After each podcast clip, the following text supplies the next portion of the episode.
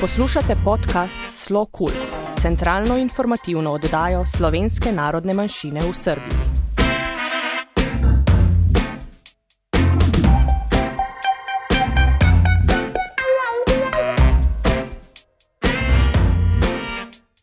Dobar dan, dragi slušalci. Slušate petu emisiju našeg i vašeg Slo Kult podcasta – Slow Cult podcast je zamišljen kao centralna informativna emisija namenjena članovima slovenačke zajednice u Srbiji, slovencima po svetu i u Matici, kao i svim zainteresovanim za slovenačku kulturu i savremeno stvaralaštvo slovenačke zajednice u Srbiji.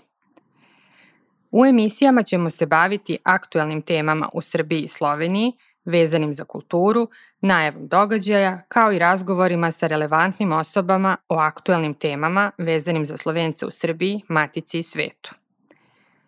Prvi deo današnje emisije sadržat će kao i do sada važeće informacije vezane za putovanja i procedure koje važe pri prelasku granica, kao i novosti vezane za rad ambasade Republike Slovenije u Beogradu. U drugom delu emisije govorimo o novostima vezanim za Sloveniju i slovenačku zajednicu u Srbiji, dok ćete u trećem delu emisije čuti intervju sa gospođom Radmilom Jeremić-Ćurčin, članicom društva Sava, koja je osvojila prvu nagradu za svoj rad u kategoriji skulpture na međunarodnoj izložbi Žene slikari Majdanpek 2020. Važne aktuelne informacije. Usled pogoršanja epidemiološke situacije u Srbiji, ambasada Republike Slovenije u Beogradu, kao i njeno konzularno odeljenje, zatvoreni su do daljnjeg. Svi unapred zakazani termini su otkazani, dok će zakazivanje novih biti moguće kada konzularno odeljenje ponovo počne sa radom. U slučaju neodložnih konzularnih pitanja, slovenački državljani mogu pozvati ili pisati putem maila konzulatu. Ulazak u Sloveniju je moguć za državljane onih zemalja koje se nalaze na zelenom spisku, a koji Nacionalna služba za javno zdravlje redovno objavljuje. Zatim za državljane država članica Evropske unije, kao i država šengenske zone. Za imaoce dozvola za privremeni ili stalni boravak, za one koji imaju zakazano lečenje u Sloveniji i za uže članove porodice slovenačkih državljana. Svi koji dolaze u Sloveniju iz država koja se nalaze na crvenom spisku, odnosno država sa pogoršanom epidemiološkom slikom, moraju u obaveznu samoizolaciju, odnosno karantin, u trajanju od 14 dana. Testiranje za ulazak u Sloveniju nije potrebno, ali ne utiče na izbjegavanje karantina. Karantin se ne odnosi na one koji pripadaju kategoriji izuzetaka navedenih u članu 10 uredbe o određivanju i sprovođenju mera za sprečavanje širenja bolesti uzrokovane virusom COVID-19 na graničnim prelazima na spoljašnjoj granici, kontrolnim tačkama na unutrašnjoj granici i unutar Republike Slovenije, koji je donet 16. jula ove godine. U vezi tranzita kroz Hrvatsku i Mađarsku potrebno je obratiti se nadležnim ambasadama. Prema našim podacima, tranzit kroz sve zemlje je moguć ako putnik dokaže svrhu putovanja i potvrdu da će mu biti dozvoljen ulazak u zemlju odredišta. Aerodromi u Sloveniji i Srbiji rade normalno. Važno je da se pridržavate svih uputstava i zaštitnih mera koje diktiraju aerodromi poštovanje bezbedne razdaljine, korišćenje lične zaštitne opreme i sl. Što se tiče uslova za ulazak u Srbiju, za sve državljane važi isto. Granice su otvorene i prema našim podacima za ulazak u Srbiju nema posebnih uslova. Kultura Slovenačka kompanija Pipistrel proizvela je prvi električni avion na svetu koji je dobio sertifikat Agencije Evropske unije za bezbednost vazdušnog saobraćaja, što znači da ispunjava bezbednostne standarde i da može da se koristi u komercijalne svrhe. Direktor Pipistrela za istraživanje i razvoj, Tine Tomažić, izjavio je da je ovo zaista iskorak za vazduhoplovnu industriju u celini, koji će omogućiti elektrifikaciju i mnogo većih letelica.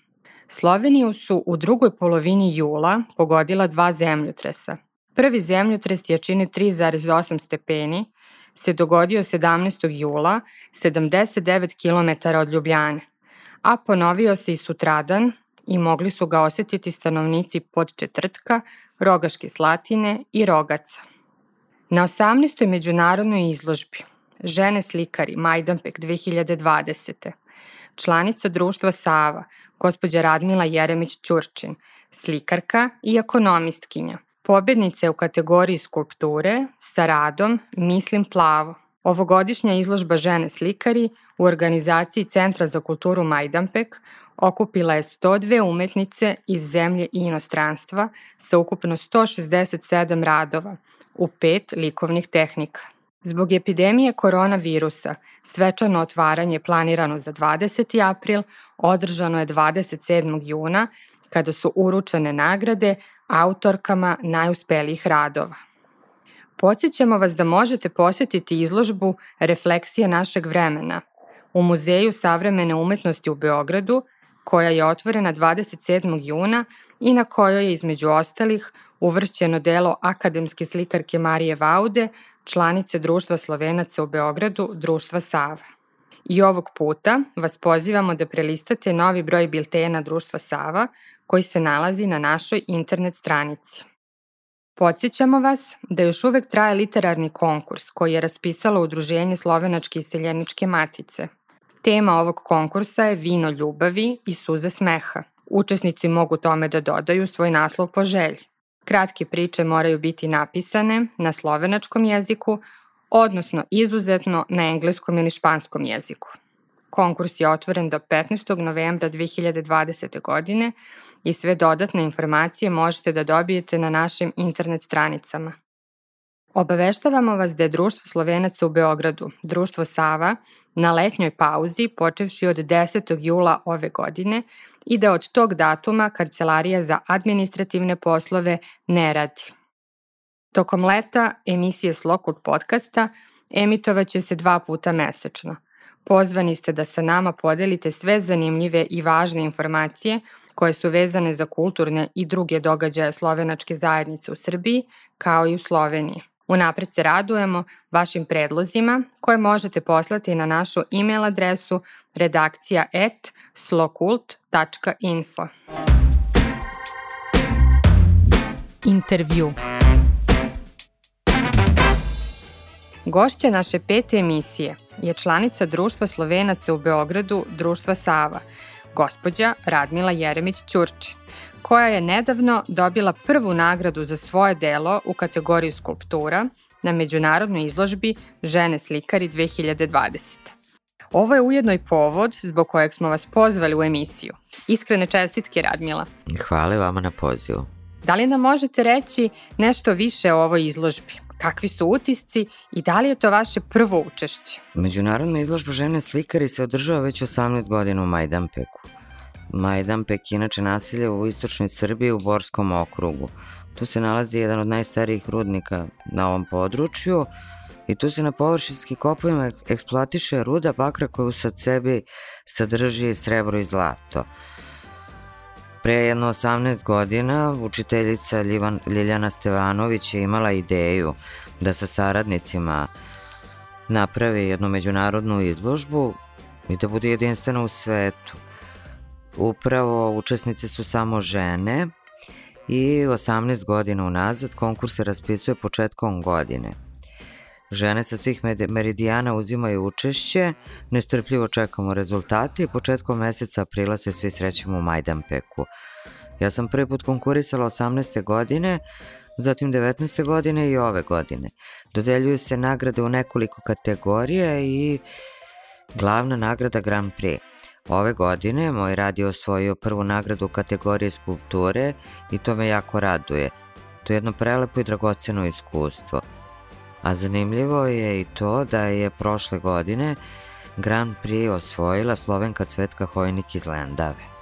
Zanimljiv je i podatak da ste po zanimanju zapravo ekonomista. Odakle datiraju vaši počeci vezani za slikarstvo i da li su i koliko vezani za društvo Sava i radionicu crtanja i slikanja koju vode akademski slikari Marija Vauda i Nikola Pilipović i koliko su zapravo oni uticali na vas u domenu slikarstva? Da, ja sam inženjer informatike, menadžer, ekonomista u stvari, a umetnošću se bavim od uvek. Godinama sam kreativnost izražavala kroz primenjenu umetnost, gde su medijumi prirodni materijali kao što su pamuk, vuna, svila, viskoza. Istovremeno sam radila na crtežu. A sa dolaskom u društvo Slovenca Sava priključila sam se toj likovnoj radionici koju vode Marija i Nikola čini mi se da je to bila karika koja je nedostajala u mom životu.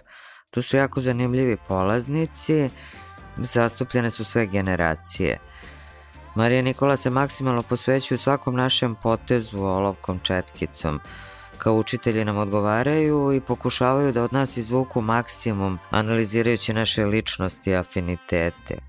A inače nas uče da posmatramo, da analiziramo dela, da primećujemo neke stvari koje do tada ne bi ni znali da postoje. Radili smo reinterpretacije rukopisa iz srednjevekovne slovenačke i srpske umetnosti, obrađivali freske, iskopjene. E sad zanimljivo je da smo svi imali jednake zadatke kao što je Groharov sejač. Između ostalog istražujemo Pikasa, Dalija, Van Gogha, Braka, A ja sam krenula pa da puno radim van tih naših časova, van radionice i na neki način širim svoja znanja, normalno koristim mišljenja i kritike Marije i Nikole. Svoje radove sam slala na konkurse širom Srbije, počela sam da izlažem na kolektivnim izložbama i lagano su počele da dolaze pohvale i nagrade kao što je ovo u Majdanpeku u stvari slikarstvo možda je ta neka umetnička nit prisutna kod mene i ta neka kreativnost se uklapaju u neku analitičnost na jednoj strani i sve obuhvatnost na drugoj strani mog osnovnog posla. Imam podršku kolega, a isto tako 2018. godine po odluci našeg direktora gospodina Dragana Spasojevića preduzeće je finansiralo katalog polaznika radionice slike, slika i znanje. Znamo da ste više puta učestvovali na likovnim kolonijama u zemljama u okruženju, među njima i Slovenija. Kakva je saradnja i povezanost među umetnicima u okruženju? Kolonije koje sam posećivala su vezane za Slovence koji žive van granica Slovenije i organizuju ih u rad za Slovence v zamejstvu in po svetu i Združenje Slovenska i Seljenska matica. Te kolonije budu pomognute i od lokalnih samouprava, održavaju se u Sloveniji, u Mostu na Soči i u Federaciji Bosna i Hercegovina u Tuzli. Imaju jako dugu tradiciju. Ja sam tri puta bila u Mostu na Soči, gde su mi mentorke bile Monika Pfeiffer i Lea Kralj. I to je neverovatno iskustvo. U ateljeu na jezeru mi radimo ceo dan, dobijemo teme koje razvijamo i jako teško je rečima dočarati tu lepotu prirode, boju jezera, srdačnost domaćina. Tu nastaju izuzetna dela i budu predstavljena na završnoj izložbi u okviru lokalne manifestacije Noć na jezeru. Inače tu su u, u organizaciji učestvuju i turističko društvo Primorske. Normalno, tu je neizostavna Jasmina Ilić kao tajnica združenja i ona učestvuje od početka u organizaciji kolonije od početka do kraja u Tuzli uz velike napore Dragice Tešić koja je predsjednica društva Slovenaca, zatim Vlatka Cimera, Borke Jokić, Melade i ostalih članova društva, održava se kolonija svakog avgusta.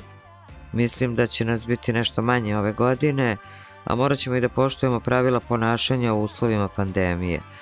Grad Tuzla iz Slovencije iz Tuzle su nas pozvali ja treba da idem ove godine i bila bi mi četvrta, to bi mi bilo četvrto učešće. Nadam se da COVID-19 neće iznenada sprečiti održavanje kolonije. Očekujem i da se kao i prethodnih godina gradonačelnik Tuzle Jasmin Imamović obrati učesnicima kolonije kao i svi drugi gosti koji prate sva kulturna događanja Tuzlanskog kantona. Stvaramo inače u kući Plamena Mira u jednoj predivnoj borovoj šumi. A na svim tim kolonijama, svi mi Slovenci koji se susrećemo, se jako lepo družimo, razmenjujemo iskustva i jako puno naučimo. Iako je usled loše epidemiološke situacije ove godine otežano organizovanje mnogih aktivnosti, ipak da vas pitamo kakvi su vam planovi u bližoj i daljoj budućnosti? Ove godine u specifičnoj toj situaciji 29. kolonija na mostu na Soči je odložena. Organizatori su se dogovorili da umesto našeg, naših susreta bude internet kolonija, raspisan je konkurs koji se zove ove godine malo drugačije sa temom toplina u zagrljaju doma. Do 31. augusta mi šaljemo naše fotografije, fotografije naših radova i očekuje se da će to biti najveća internet izložba slovenačkih likovnih umetnika sa svih strana sveta, a ja kažem i šire, zato što umetnost nema granice. Putem maila sam učestvovala na konkursu i koji organizuje javni sklad Republike Slovenije. Monika Ivančić-Fajfar, koja je producentkinja za likovne aktivnosti, šalje mi tekstove konkursa i ja učestvujem sa određenim radovima. Učestvovala sam na internet izložbi u toplini doma koja je bila organizovana u mesecu aprilu. A kako sam član društva likovnih umetnika Tolmena, redovno šaljem fotografije i tom društvu i tu su Dare, Dea, Jana, redovno se čujemo, razmenjujemo iskustva i prenosimo utiske. Meni je jako žao što se ove godine ne srećemo, ali imamo internet. Sve ćemo mi to nadoknaditi u nekom budućem vremenu. Iako su naša okupljanja svedena na minimum, pored povećanog broja tih internet konkursa i izložbi međunarodnog karaktera, svi mi pokušavamo da zadržimo neki kontinuitet bar u izlaganju, a inače stvaramo, stvaramo, stvaramo i nadamo se da ćemo sve nadoknaditi.